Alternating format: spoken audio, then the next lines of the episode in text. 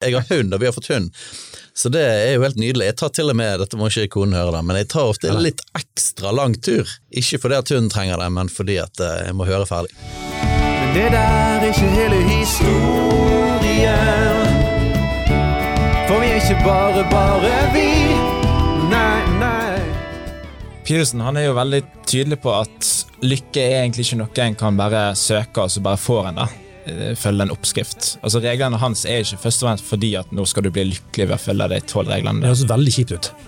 Det høres det, men han, han, er, en- han er realist eh, i forhold til livet. Han er realistisk i forhold til hvor mye lidelse livet inneholder, og at mening er det som må holde oss oppe. Om glede da må vi ha plass for oss Er begge frukt av samme tre du lever etter det, så kan du sitte på internett alene i kjelleren til mora di og spille dataspill og si 'jeg plager ingen, jeg er grei og snill'. Og for øvrig så er jeg i fullstendig fortvilelse. for Jeg har ingen mening og retning. Budskapet hans er dypest sett jeg vil si, moralsk, åndelig, ikke politisk.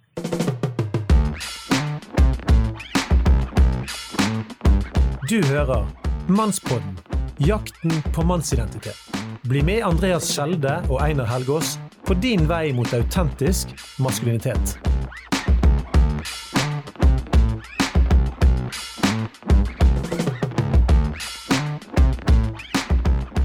Velkommen til en ny episode av Mannspodden. Mitt navn er Andreas Skjelde, og i dag skal vi kaste oss over det unike fenomenet Jordan B. Peterson.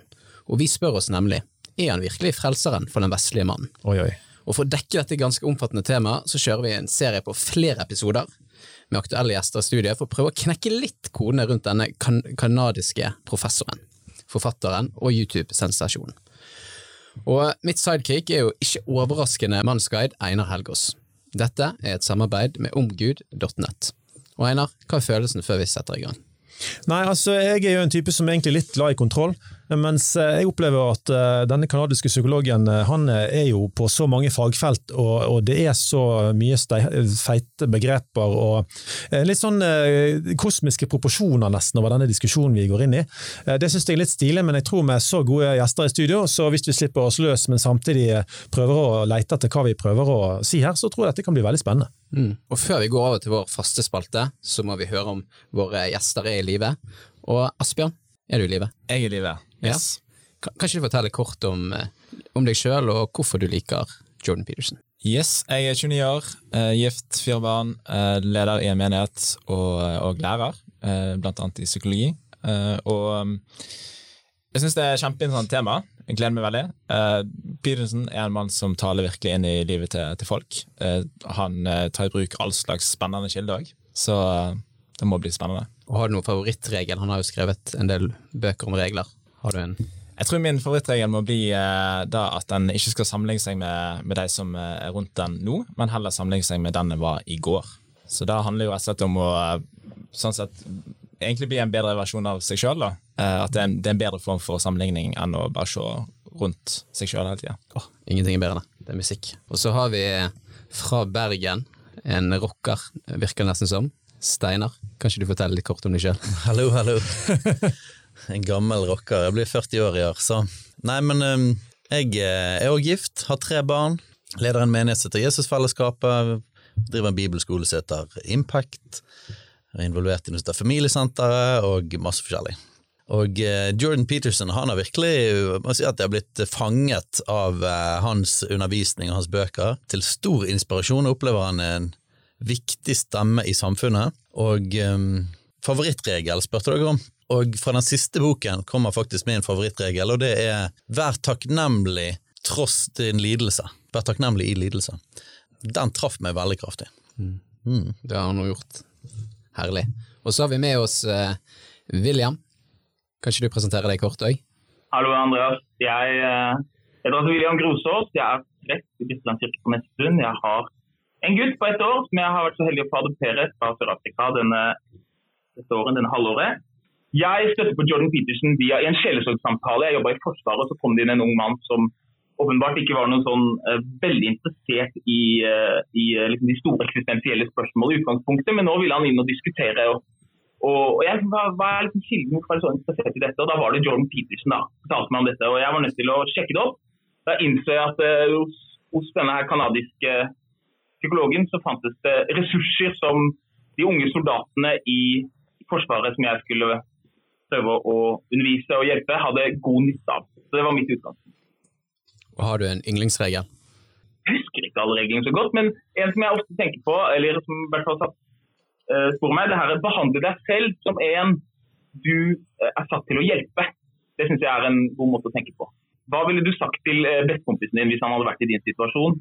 Hvordan ville du ha, ha veiledet ham? Altså, Veiled deg selv på den måten. Det er fint.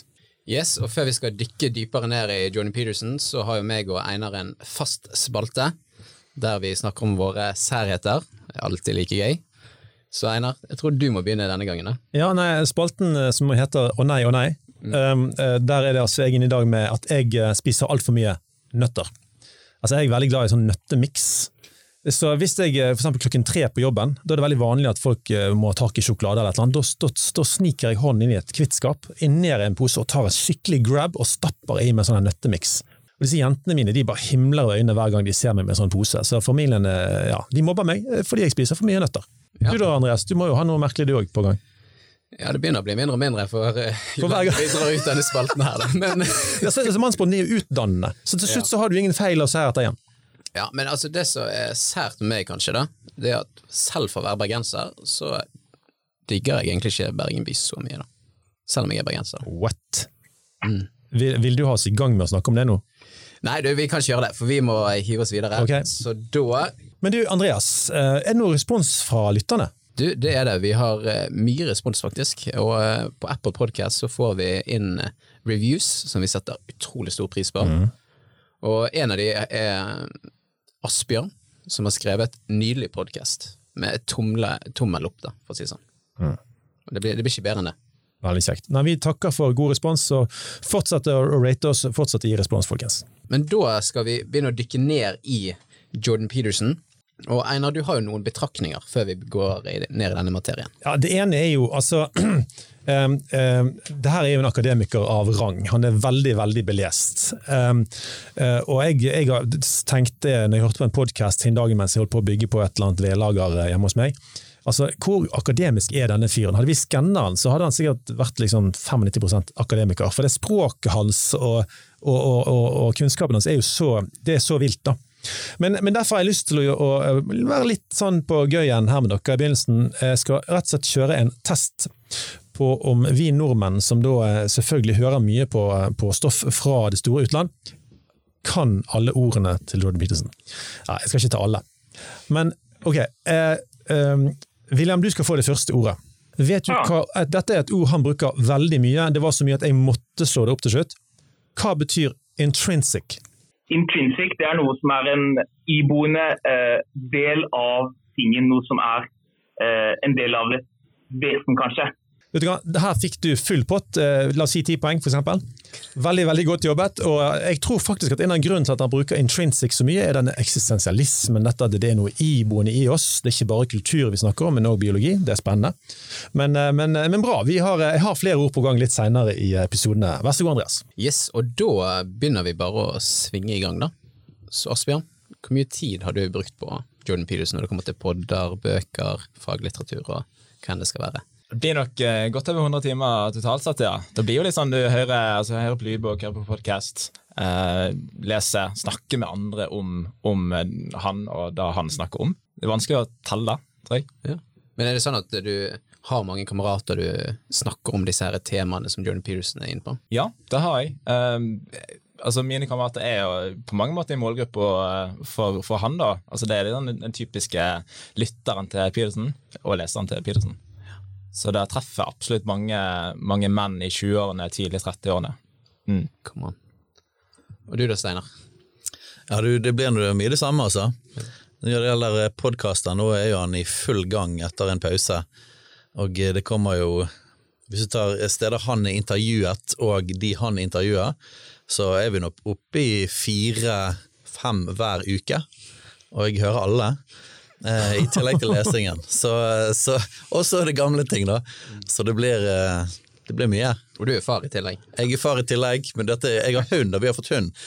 Så det er jo helt nydelig. Jeg tar til og med, dette må ikke konen høre, da, men jeg tar ofte en litt ekstra lang tur. Ikke fordi at hunden trenger det, men fordi at eh, jeg må høre ferdig. Så det er et fint tips. Får dere hund hvis dere skal høre på Jordan Peterson. Er familiefar.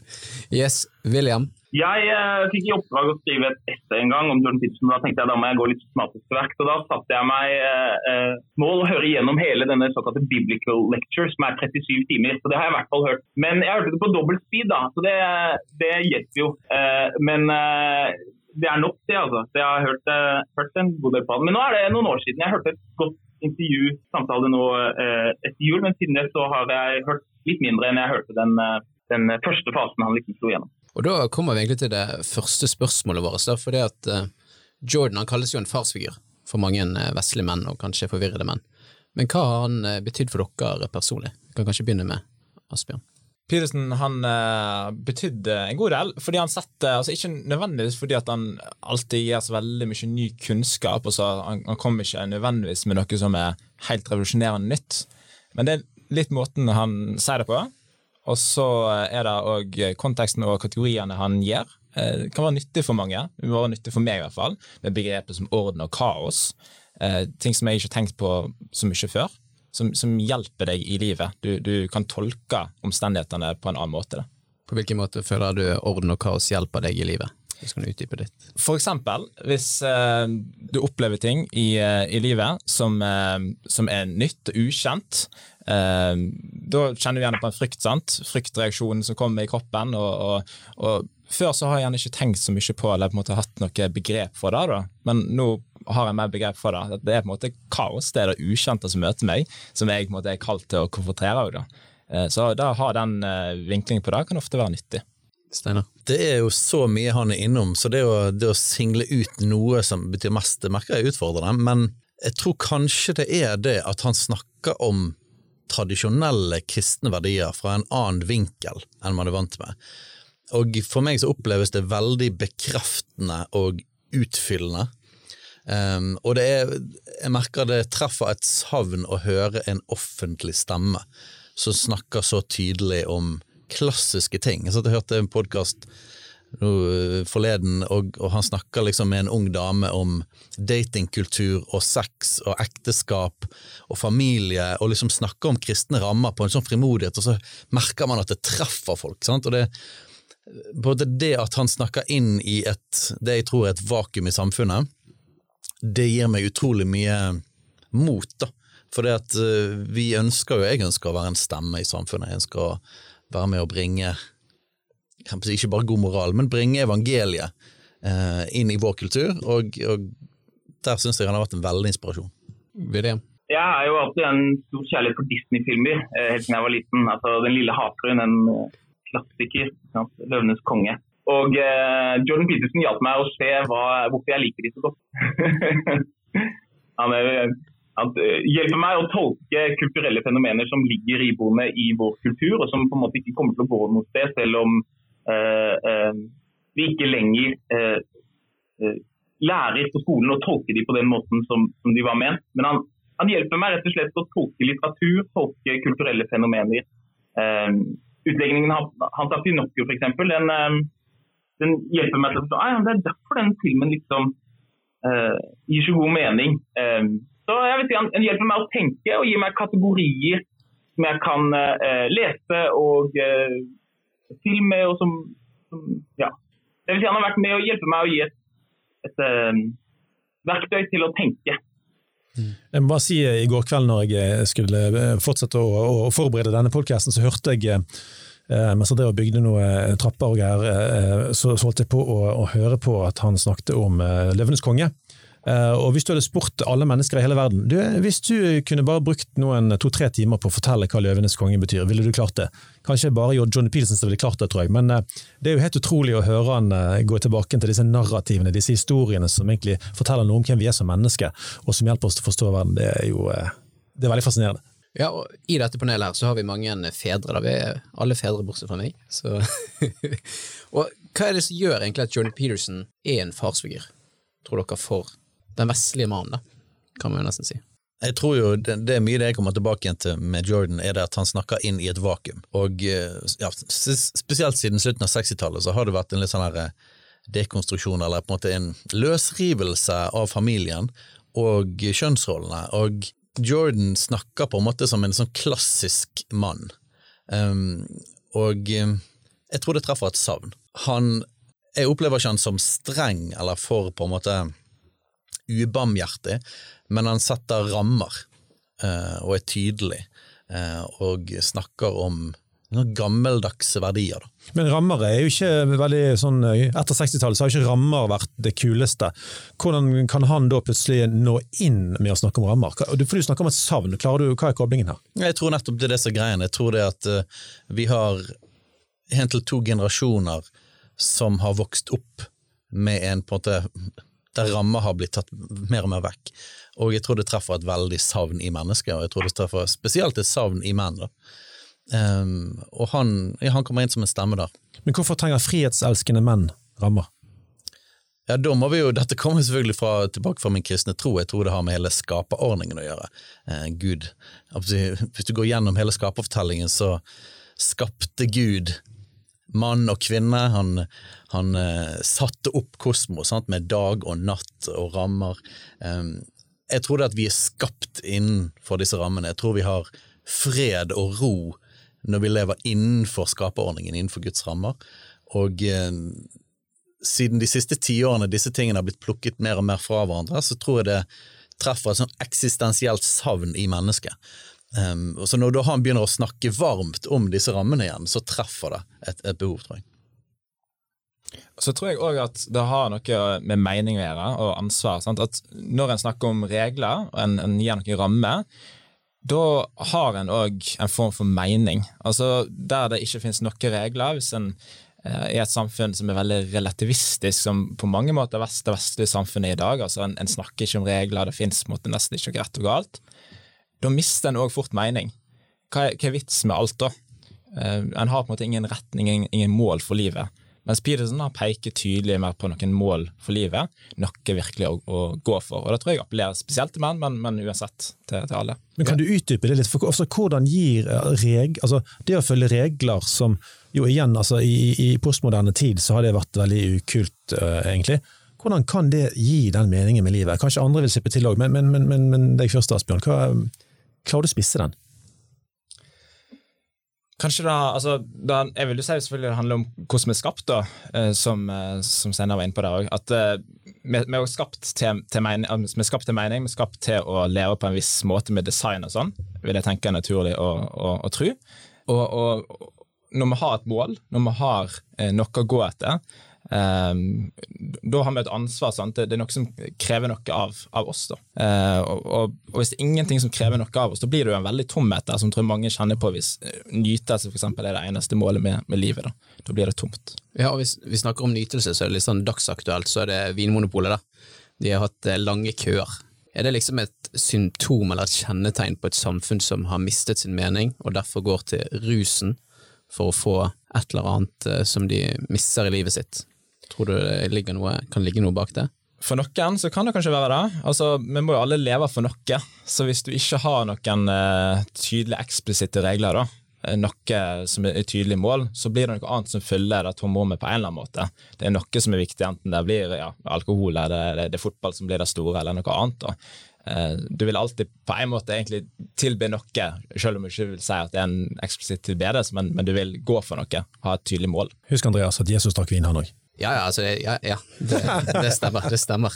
Men eh, William, jeg føler eh, vi må nesten bringe deg litt inn i denne her samtalen med farsfigur.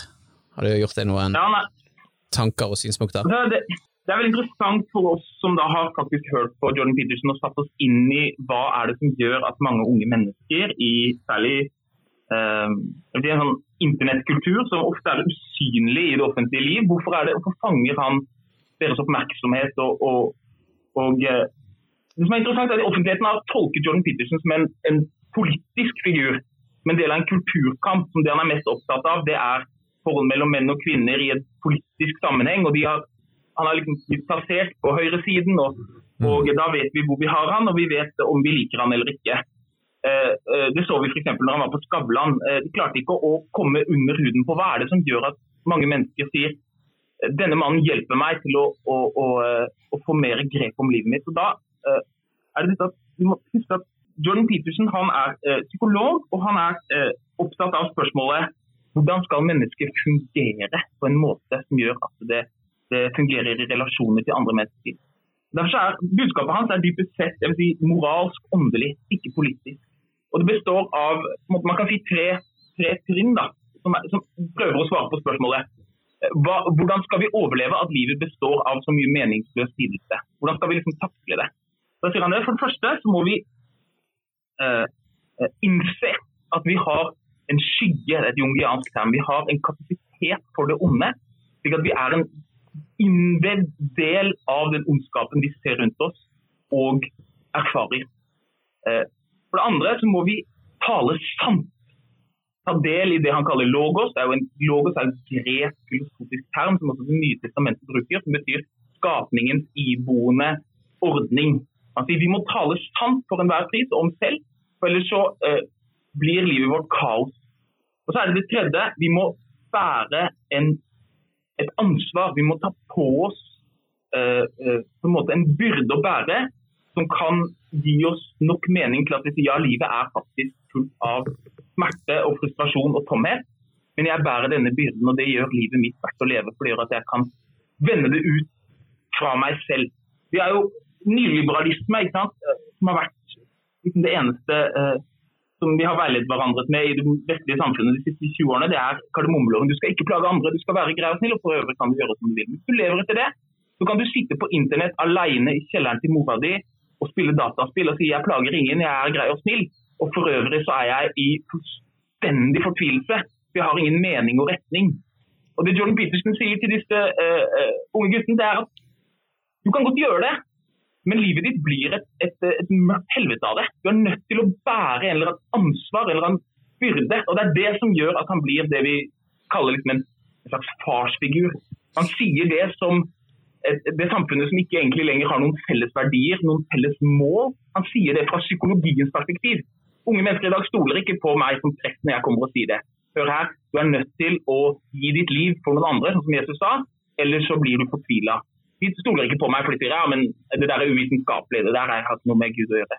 Men Jordan Petersens liksom, eh, inngang til det der, dette er bare psykologisk empiri. Gjør du det, så, så eh, vil du erfare at livet gir mening. Og gjør du ikke det, så vil du eh, eh, bli helt fortvilet. Jeg tror en, en ting ved Peterson som farsfigur også, som er, er veldig bra, er at han, han har en balanse der. Fordi ja, han er på ene sida veldig formanende og gir regler. Litt sånn streng kan noen oppfatte han som. Og så samtidig så er han veldig barmhjertig, eh, medfølende, eh, sånn at folk har tillit til å komme til han òg med sine problemer. da. Det lytter til han, og det føler seg forstått. Og da føler seg forstått er jo noe av det viktigste. Så altså, du går til de som forstår deg, hvis du trenger hjelp i livet. da. Så han er en som både kan formane, gi regler, og så samtidig så forstår han og viser medfølelse, og har sjøl vært gjennom veldig mye vanskelig i livet. Og bør kanskje ikke alle foreldre være sånn. altså Skal barna få en god retning på livet sitt, så trenger de vel denne balansegangen mellom eh, kjærlighet og tydelighet. sant? At eh, Hvis ikke vi er litt streng, vil ikke ungene flytte litt ut i ting vi, det er ikke bra for de sjøl engang. Ja, og jeg tror det at han har altså det, er jo, det er få folk som har blitt mer misforstått og eh, feilkarakterisert. da. Eh, og hvis vi tar akkurat det der med far, så han er jo egentlig en veldig Folk tenker at han er en sånn der skjerp deg-gutt, eh, reis deg opp, vær sterk type person, men jeg opplever jo noe mye mer balansert. Han snakker om dype ting i livet. Eh, han er veldig følsom, gråter ofte. Snakker, eh, snakker om kjærlighet til barn, til kone, til familie. Så jeg opplever at han i, seg, i sitt budskap og måten han formidler dette, formidler en ganske bredde i det du sa, Einar, i forhold til kjærlighet og tydelighet og rammer. Og eh, jeg tror jo at nettopp de to tingene der er noe av det som Kanskje to av de viktigste karakteristikkene i en far. da. Tydelighet rammer, men òg kjærlighet og følsomhet. Han er jo på ingen måte den karikaturen av sånn usunn maskulinitet som, som han blir framstilt som. Eh, han snakker ikke i de termene i det hele tatt. Ikke noe toxic maskulinitet her, altså. Giftig maskulinitet. Nei, opplever, sånn, Det er jo på en måte dette med å være tøff, ikke gråte, gutter skal ikke være følsomme, gutter skal ikke grine, som en slags motreaksjon sant? på den myke mannen som vi har blitt lært opp til. Sant? Jeg har jo sett mye barne-TV de siste årene, jeg har, mye, har tre barn, og eh, i norsk barne-TV så er det jo, eh, er jo det den patetiske myke mannen, som er liksom alltid er liksom eh, rollen da. Barnemannen. Ja, sant? Og så eh, I samfunnet da så har det gjerne blitt en motreaksjon på det. er bare at nei, Vi må tilbake igjen til original maskulinitet, må være tøffe, vi må være Rambo. liksom. Og så tenker man at han er en del av det. da. At Jordan Peterson vil liksom, ok, yes, ikke være den myke patetiske, være Ramboen. Men jeg opplever ikke at det er det som er hans budskap i det hele tatt. Eh, Så, så det treffer dårlig, og det er en karikatur av han.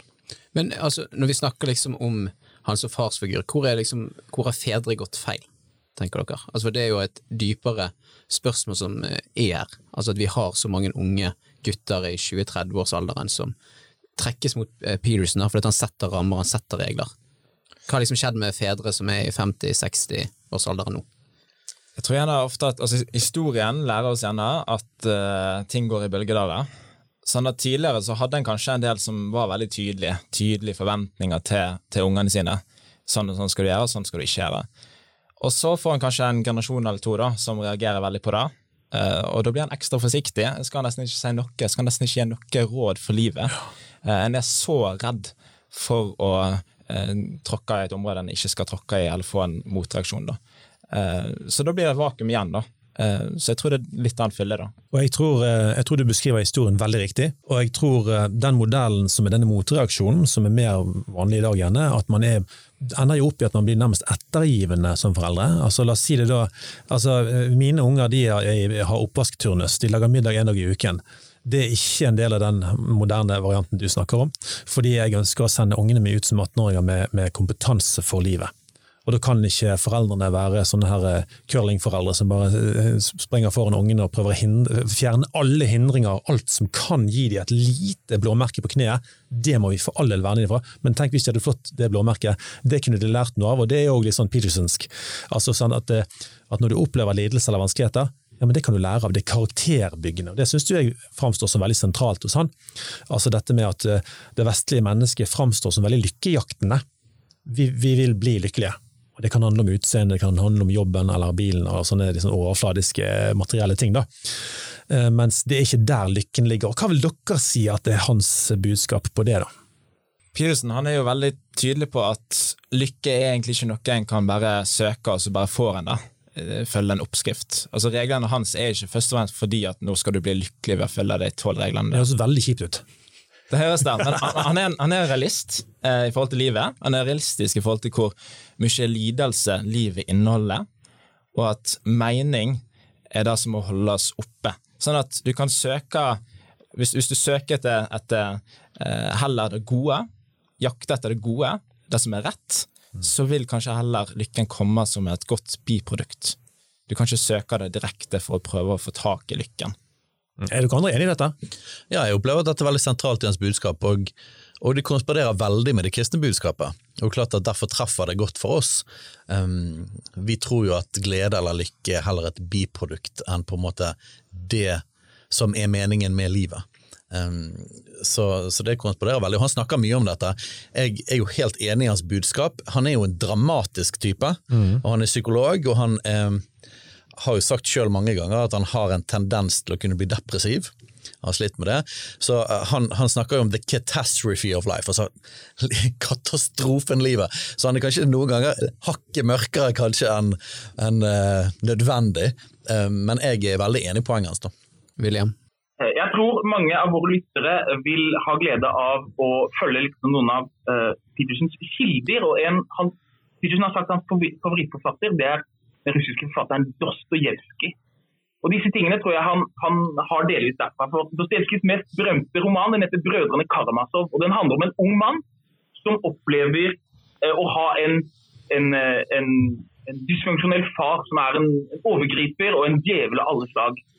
Og så går han gjennom livet, og så liksom tas ting fra han. Han, han, han får et forbilde, men den, det forbildet dør. Han, eh, han har en bror som er intellektuelt mye smartere enn han, og som kan liksom bevise for han at det er ikke logisk å tro at verden er i iboende god. Og til slutt så står han bare igjen med hva skal liksom drive livet mitt videre. Uh, han heter Alyosha, og han har denne linjen du skal elske livet mer enn dets mening. Og i den betydningen betyr det du skal fokusere på fins det noen jeg kan være en far for, fins det noe et sted, en byrde jeg kan bære som faktisk gjør livet uh, og verden uh, litt mindre til en katastrofe, som du sier. Og der ligger meningen, der ligger den sanne lykken, og der ligger det som kan på en måte beskytte meg mot det mørke. Yes, takk for disse perspektivene her. Vi kommer til å fortsette med Jordan Peterson, vi kommer til å lage flere episoder. Og eh, folkens, jeg tror denne episoden her må du dele med dine venner, eller hva sier du Einar? Jo, altså, hvis de liker den da, de må jo få lov til å ta eh, en beslutning sjøl. Hvis dere liker den, så er det veldig gøy. Og i tillegg, gjerne gi oss reviews på Apple Podcaster, og legg igjen en liten hyggelig hilsen, det syns vi er veldig, veldig oppmuntrende. Men vi har jo mye snacks på gang fremover, både med Jordan Peterson og andre ting så håper jeg folk tar dette med, sånn som Asbjørn med sine venner nede på Nærbø, var ikke det? det? der, der, der, når kamerater møtes, så snakker man om viktige ting, og det tar vi opp i Mannsbåden så, så bruk den gjerne rundt omkring der du er, og del altså på sosiale medier og sånt. Og med det så sier meg og Einar hei hå. Hei hå. Mens du venter på neste episode, del gjerne Mannsbåten med fem andre menn, så de kan koble seg på jakten på mannsidentitet i en kjønnsnøytral tid. Hvis du ønsker å lære enda mer om denne tematikken, følg Mannsbåten på sosiale medier. Vi snakkes. Sha-la-la, sha-la-la, sha-la-la-la-la-la